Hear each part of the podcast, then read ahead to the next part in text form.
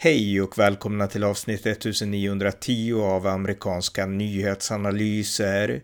En konservativ podcast med mig, Ronny Berggren, som kan stödjas på swishnummer 070-30 28 95 0. Här följer en uppdatering om det senaste i USA tillsammans med min svensk-amerikanske kollega Björn Nordström. Varmt välkomna. Björn Nordström, välkommen. Tack så mycket. Vi ska uppdatera lite grann igen om det senaste i USA och eh, ja, vill du börja?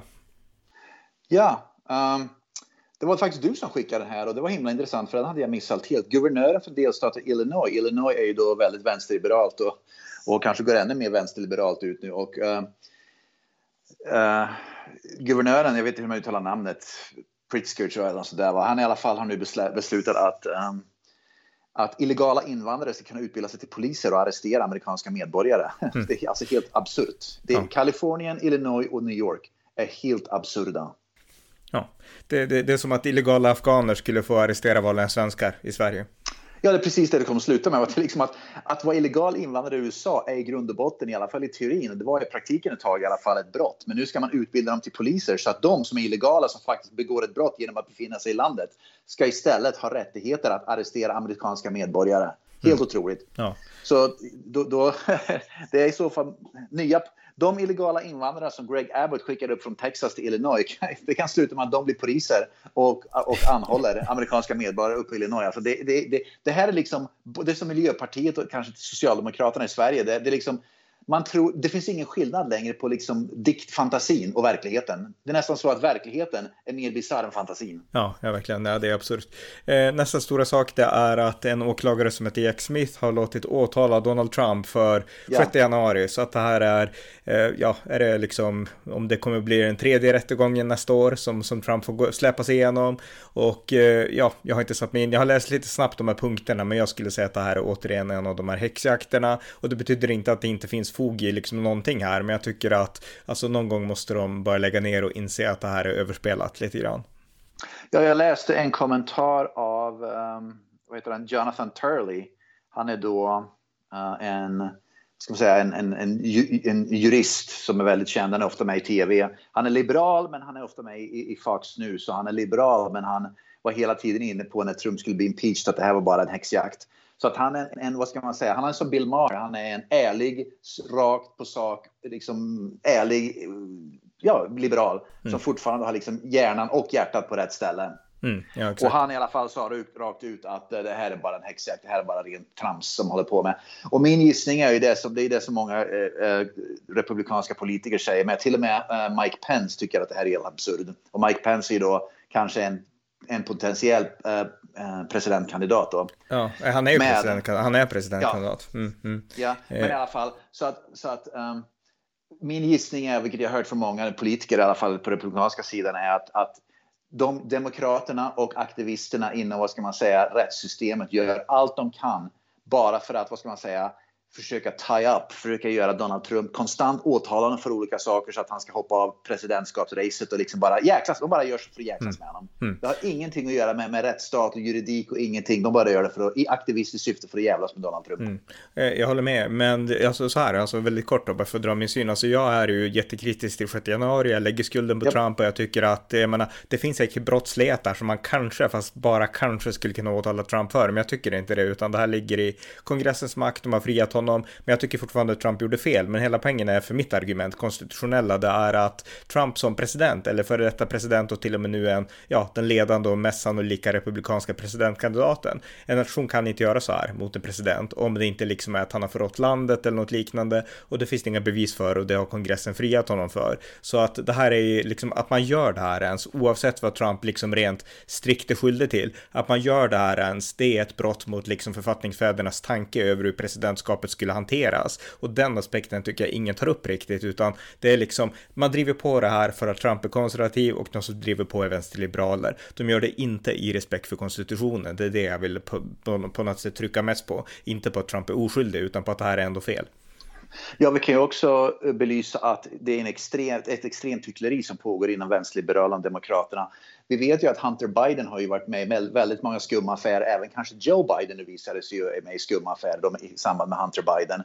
Och det finns ju inte en vänsterliberal eller demokrat som har ett skvatt intresse av att utreda varken Hunter Biden eller Joe Biden som faktiskt har begått eventuella riktiga brott och till och med domaren som vi pratade om för bara några dagar sedan var att domaren, den federala domaren kastade ju ut den här plea deal som Hunter Biden eh, först hade gjort då, men sen han vägrade i domstolen. Men den federala domaren tyckte inte det var en bra plea deal, den var för snäll. Som andra ord, en federal domare i rättssystemet konstaterade att Hunter Biden är förmodligen mer skyldig. Och liksom, det verkar som att domstolen anser att Hunter Biden förmodligen har ganska mycket orent i påsen mm. så att han, han kan eventuellt bli fälld. Och blir han fälld så blir straffet, ska straffet bli mycket hårdare än den plea deal han gjorde. Va? Men vänsterliberaler och demokrater har ju noll intresse av att det faktiskt är en verklighet som pågår just nu. Tvärtom, de bara går efter Donald Trump. Och det är just det där hyckleriet som jag tycker är så himla äckligt och så, så otäckt. Att de, de har inget, vad ska man säga, inga principfasthet kring vi, oavsett vilket parti personen är så måste vi liksom gå efter dem om det är liksom brott som har begåtts eller kriminella verksamheter. Va? Utan det är enbart, man går bara efter de ena och sen försöker man skydda och dölja de andra och liksom inte vill ha något att göra. Samma med vänsterliberal media. Va? Det där hyckleriet som jag tycker är så himla vidrigt. Och, och samma med media här i Sverige. Men alltså en sak som ja. också förglöms i allt det här och det är att Donald Trump, vill man sänka honom? Alltså faktum är ju följande. Förra året efter midterms då var Trump liksom, hans aktiekurs hade fallit liksom. Därför att hans kandidater förlorade, jag menar även där i Arizona du bor, de förlorade i primärvalen yeah. och förlorade de allmänna valen. Ron DeSantis var liksom eh, midterms stora yeah. vinnare och han yeah. tänkte nu satsar jag stort och Trump, jag menar vi har pratat om det här förut så jag ska inte vara för långrandig men alltså Trump var ute och försökte sälja liksom, vad var det sådana här typ baseballkort, alltså ja, filmstjärnekort på sig själv, ja. alltså det var helt jättefånigt liksom i typ januari, nästan ingen brydde sig om honom längre, han åkte till Iowa, det var typ tio pers där och alla, även jag tänkte att nu äntligen efter två år har jag börjat vända, folk tröttnar på Trump och Ron DeSantis var stjärnan. Sen kom det då stormningen av Mar-a-Lago när liksom FBI mm. gjorde en räd och tog hans dokument och då började republikanerna snabbt inse en häxjakt och sen var det åtal efter åtal mot Donald Trump och allt fler republikaner kände att nej men Trump, han har rätt, liksom, det är en häxjakt mot honom, vi måste sluta upp bak honom. Så jag menar, det som händer nu, eh, liksom, det kommer bara att stärka Trump. Och jag menar, nu ser det nästan ut som att, alltså Trump kommer att bli republikanernas kandidat. Och det är vänsterns fel, skulle jag säga. Det, det, det, vi ser just nu med Donald Trump är precis det vi har pratat om, är precis det som har skett med Sverigedemokraterna i Sverige naturligtvis.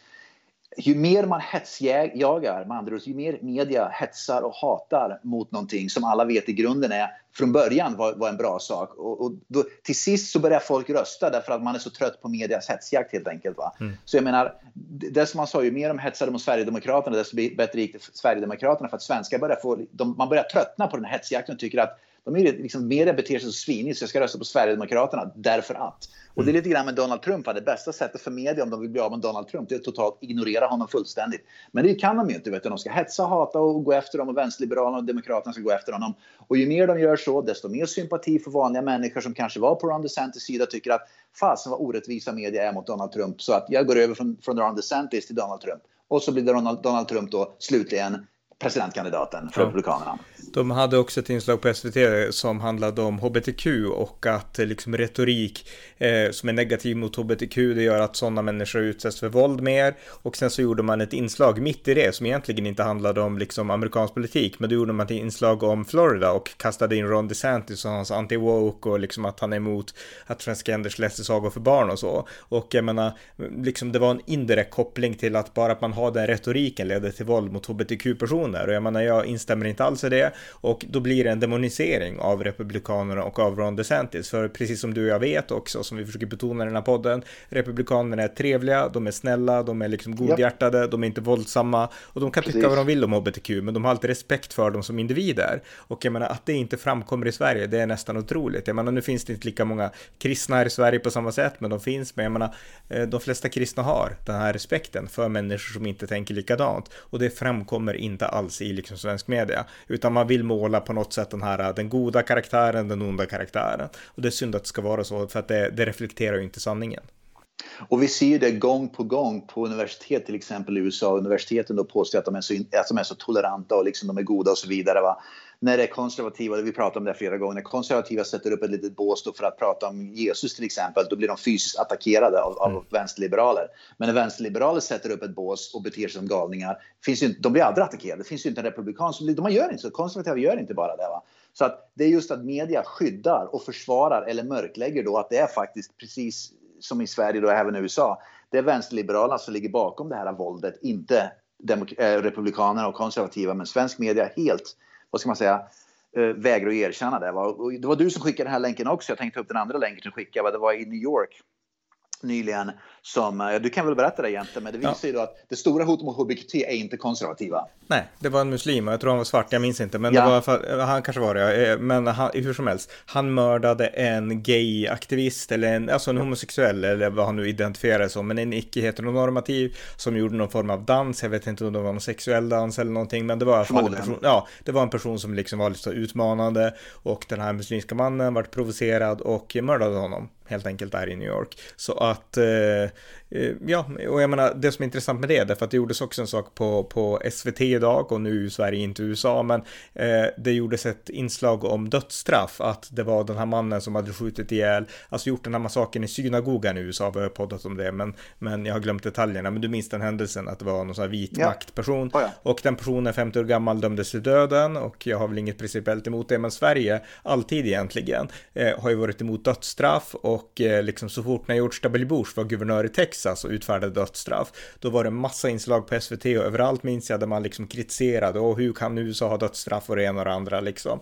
Och man ställde sig på den skyldige sida, alltså, alltså på den som skulle dömas till döden. Här hade man inga direkta invändningar. Men när en sån här sak händer, som den här personen i New York, jag menar, tänk om han hade liksom blivit, eller kommit, nu har inte New York dödsstraff, men om han hade liksom fått dödsstraff, hade de då varit liksom lika angelägna om att liksom lyfta fram att det här är något moraliskt skott. Eh, och det gjordes kanske inte direkt med den här ah, antisemiten, men, men liksom det är ingen kritik. Alltså det blir så politiserat och det är genomskinligt, det är dit jag vill komma.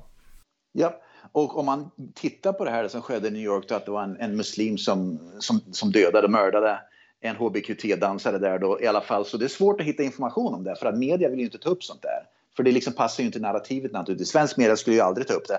Om det här hade varit en vit medelålders man med en MAGA-hatt, Donald Trump-hatt på mm. sig. Det hade varit huvudnyheter i svensk media och huvudnyheter i varenda amerikansk vänsterliberal media. Så att media, exakt samma brott. Media antingen belyser det eller mörklägger det enbart beror på vilken, vem gärningsmannen är. Punkt ja. slut. Och det är precis samma sak som en HBQT-person skulle mörda en Donald Trump-supporter. Det skulle, det skulle inte ens ta upp i media. Därför att det är fel, det är liksom fel gärningsman. Vi har pratat om det där förut med. Va? Gärningsman, de, de tittar först, vem är gärningsmannen och vem är offret? Om det är någonting som passar vårt narrativ, då blåser vi upp det. Om det inte passar vårt narrativ, som i det här fallet i New York, när en muslimsk man som mördar en HBQ3-person, då mörklägger vi och tar vi inte upp det därför att det, liksom, det, det, det blir alltid bara fel då. Mm. Nej, nej, precis. Jag menar, SVT hade ett inslag, nu ska jag säga att ibland så brukar jag kommentera också på SVT, men de hade ett inslag om den här rättegången mot Donald Trump och eh, det var att man beskrev att båda sidorna, Trump tycker att det är en häxjakt och vänsterliberalerna tycker att det här är legitimt, så att man presenterar båda sidorna så. Men sen så var det Jan Hallenberg från Utrikespolitiska institutet som satt i, satt i liksom Aktuellt-studion efteråt och, eh, och liksom försökte säga att ja, men det här är, det är ett fruktansvärt brott och så alltså han var helt inne på liksom en sida och de har inte förmågan att få till en debatt mellan två personer som tycker olika eller ens förklara fakta. För faktum är att det finns saker att ta i akt som Jan Hallenberg inte gör, som bara rena skära fakta, som det här om konstitutionen ja. och om det är vist att faktiskt åtala en president. Det är liksom, de argumenten tas inte upp. Så jag menar, att media är vinklat och att det här, att det finns problematik i liksom medierapporteringen, det, det är liksom bara ett faktum. Ja, och Så... det är någonting, ja, och, och det är någonting som Ja, det stör mig väldigt mycket att just det där sker, att man vinklar det hit och dit och man tar upp och man tar in. Och, och för det som händer, det är precis som det vi ser i Sverige nu med, va? det är att, att det påminner lite grann om att det här det som är i Sverige, va? Det, är de, det är Koranen, det är, liksom, det är koranbränningarna. Va? Det, vem har, jag har inte läst någonting i princip i media, i liksom SVT och, och S, svensk, SR eller något sånt där. Va? Att grundproblemet är ju faktiskt att det är massa våldsamma muslimer som bara ställer till problem. Va? Oavsett om Koranen bränns eller inte. Va? Mm. Vi har ett stort problem med muslimer i Sverige, va? men det får man inte ta upp. Va? Utan då målar man upp något helt... Richard Jomshof, han blir ett problem. Debatten handlar om vad Jomshof sa på Twitter. Inte att det finns en massa våldsamma muslimer och radikala muslimer i Sverige runt om i världen som försöker ändra svensk demokrati. Det, liksom, det suddar man ut. Exakt, och jag skulle säga där då, alltså här måste man skala lagren av löken som man säger i USA. Jag tror man ja. brukar prata så. Jag menar, det ja, första lag, det, det, det, grundsanningen, den absolut viktigaste premissen, det är det du just har sagt. Sen tycker jag att man kan vara vis också. Man behöver liksom inte säga att Mohammed var pedofil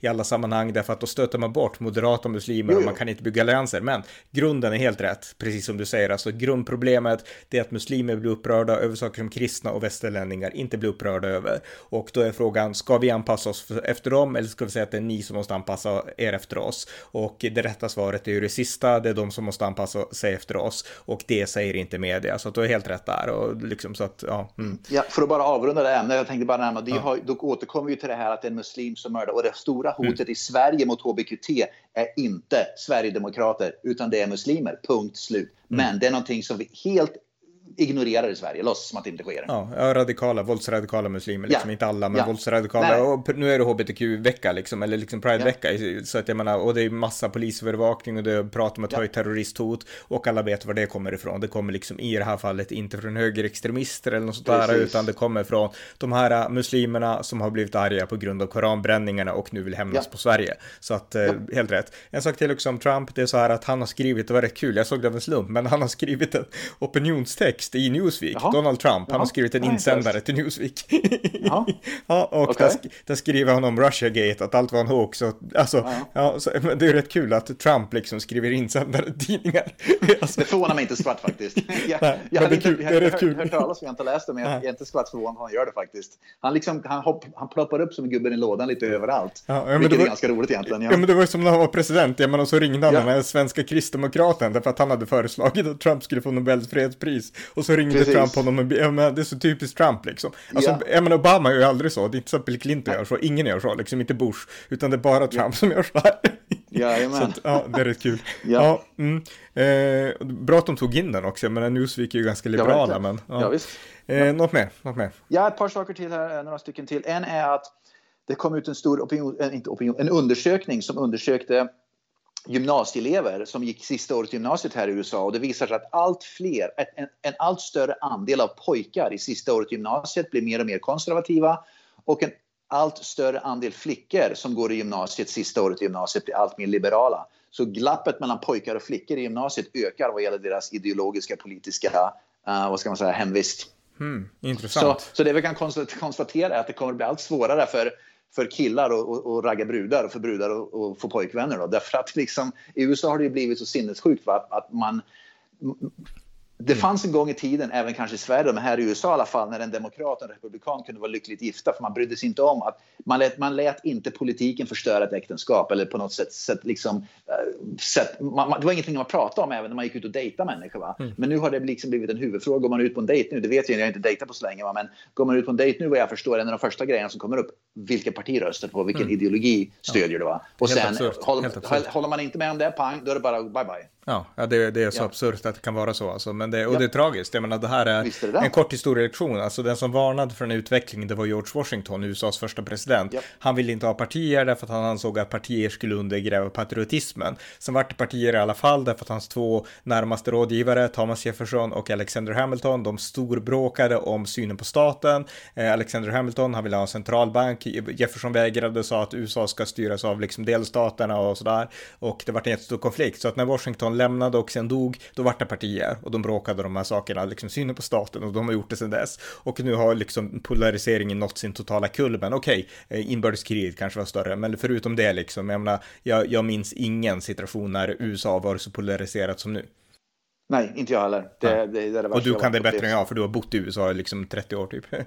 ja. när jag flyttade till USA i början av 90-talet så var det jag, det var mer, man, man, det var lite grann som Sverige och Norge liksom Sverige-Norge-skämt ungefär. Man respekterade sina bröder, liksom systrar i Norge ungefär, men man drev lite grann med dem också. Va? Men, man, men vi, uppfattningen var att Svens, Sverige och Norge, vi var liksom broderländer och vi liksom behövde varandra, även om vi kanske driver med varandra. Det var lite grann så att demokrater och republikaner, man drev med varandra, man skojade med varandra. Men i, i, i slutändan så var vi alla amerikaner, vi behövde varandra. Men det har mm. totalt förändrats nu. Om det, alltså, vi har varit inne på det förut, vi ska, vi ska gå vidare, men alltså om det skulle bli krig, det är förmodligen, som du har sagt någon gång, det är det enda som kan ena USA, därför att då kommer ja. liberalerna behöva de här konservativa som kan skjuta och som är macho. Så, precis, liksom. ja precis. För ja. i slutändan så är det den konservativa som, kunde, som kan föra kriget, ja. inte de liberala. Nej. Nej. Ja, vi går vidare, något mer? Ja, jag såg att, uh, vad heter hon, Katanya, uh, uh, Justice Jackson, den nya domaren i högsta domstolen, Kat, vad heter hon, Katanya mm, Jackson? Mm, mm. Eller något sånt där i alla fall. Hon, har ju, hon är ju mer och mer en aktivist. Uh, Ketan, Ketanjit Brown Jackson. Hon, hon, är mer en aktivist och hon gör tydligen många sakfel och alldeles nyligen det var något vi nämnde i en annan podd för ett par veckor, några veckor sedan. Jag kommer inte ihåg exakt vad det var, men att hon är då en aktivist som, som påstår att då svarta får sämre sjukvård och svarta, liksom, att hon är väldigt mycket för svarta eh, liksom får, får det sämre. Vad de än gör så är det alltid diskriminering och svarta ungefär. Nyligen, för bara några dagar sedan, så gick hon ut och sa att, att uh, svarta läkare är bättre att di diagnostisera smärta hos svarta patienter utan att ha någon form av bevis för det. Och sen så blir det faktacheckat av folk då som visar sig för att det stämmer inte alls. Det finns inga bevis överhuvudtaget att svarta patienter får sämre vård när det gäller smärt, smärtstillande saker då av vita läkare än de får av svarta läkare. Utan det var bara någonting som hon, hon aktivistiskt hittade på för att på något sätt för att framställa att svarta att, att liksom svarta amerikaner helt enkelt lider mer om de ser en vit läkare än en svart läkare vad gäller smärta, smärtlindring. Mm. Men det stämde inte alls liksom, med ren fakta. Vi kan påminna oss om att Kentanny Brown Jackson, alltså den HD-domaren, hon tillsattes av Joe Biden. Jag tror det var den första HD-domaren ja. han tillsatte förra året Correct. när Stephen Breyer gick i pension. Så att ja. Eh, det här är liksom en, det här är Bidens verk i högsta domstolen, en dålig aktivistisk domare, helt underlägsen de här konservativa som Donald ja. Trump nominerade, för de är bra. Mm. Nästa sak, ett par saker till, jag har bara två saker till. En sak är att eh, det är sådana här eh, värmeböljor även här i USA nu och det gapar ju liksom många över att det här är liksom vad världen går under och det är allting. Men då var det någon som gick ut, var någon, det, var, det var en eh, artikel som de skrev, Fox News i alla fall, där de pratade om att man, har, man har liksom i USA så har man i, hund, i över hundra år hållit liksom koll på liksom värmeböljor och värmer och så vidare. Va? Och värmeböljan för hundra år sedan var, varmare, eh, var mer än vad den var idag, vad den är nu. Som andra ord, han ville bara säga att för 100 år sedan, för exakt 100 år, 99 år sedan, mm. så var värmeböljan på sommaren värre än vad det var idag när det gäller temperaturen. Så att vad det är idag, idag är inte värre än för 100 år sedan om man bara jämför de två åren. Mm. Så jag tänkte bara säga att, liksom att, att det är i alla fall intressant att, att, att liksom folk tar upp att det, det, finns data som man kan gå tillbaka och titta på 100 år i tiden och 90 år, 80 år och så vidare. Va? För att jämföra med det som sker idag. Och det är det som jag tror många glömmer bort, att man går inte och tittar på den datan. Nej, och jag tycker att det är viktigt, alltså, alltså vi måste våga kunna dra i handbromsen även när det kommer till vetenskapliga anspråk. Ja. Inte för att man inte tror på vetenskap, utan för att vi kan se att vetenskap som argument, alltså det blir ett auktoritetsargument som hackas av vänstern. För att bara kunna slänga stämpeln vetenskap, då måste ni lyda ungefär. Och jag menar, det utnyttjas, det missbrukas det här begreppet och det måste man, man måste våga dra handbromsen för att kunna se, är det här legitim vetenskap eller missbrukas det bara ja. politiskt? Politiskt. Och den liksom, diskussionen har blivit allt mer angelägen tycker jag. Och det var precis det den artikeln tog upp. Den, den, den liksom nämnde då att vi, vi, vi, glömmer ofta bort att gå och titta på det för vetenskapen eller för datan eller statistiken som fanns, fanns för länge sedan. Och vi måste faktiskt ta och göra det också så vi inte bara fokuserar på vad som pågår nu utan vi måste titta på den större bilden, vad som har skett över tiden. Den sista grejen som jag har tänkt nämna bara är, um, är att Rand Paul, han är ju då en senator från Kentucky. Han är väl libertarian egentligen. Men han är det republikanska partiet.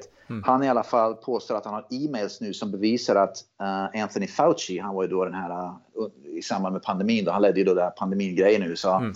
Att Anthony Fauci har ljugit inför kongressen. Att e-mail som Anthony Fauci har skickat ut går stick i stäv med det han, det han vittnade om i kongressen. Och uh, Rand Paul vill gå vidare med det här som en kriminell, att han har begått ett, ett grovt kriminellt brott. Med andra ord, han har begått mened i, i kongressen. Mm. Och vill, han vill åtala honom för det. Ja, eh, där kan man säga att jag, jag var en fan av Anthony Fauci, jag har varit under lång tid faktiskt, men eh, det, har upp, det har framkommit uppgifter som, ja, återigen, där får vi liksom avvakta och se. Alltså man måste, ja, det, där, där, har vi ett exempel på där jag vill dra i handbromsen och så får vi se liksom ja. vad stämde ja, egentligen. Ja, poängen mm. är att, att, att mm. Anthony Fauci enligt Rand Paul har sagt, en sak sa han i kongressen, en annan sak har han sagt via e-mail, en totalt motsatt sak. Va? Mm. Och det är väl det som kommer att utredas, och om så är fallet så är det en stor grej. Va? Men, det ska bli intressant att se så att eh, de håller på att utreda sådana där saker nu så att Uh, vi får se hur det slutar. Ja, jag har en absolut sista fråga, du kan svara ja. kort om du vill, men vi har ju pratat förut, din dotter är ju med i något coolt, alltså i ett sportsammanhang som, som är rätt stort.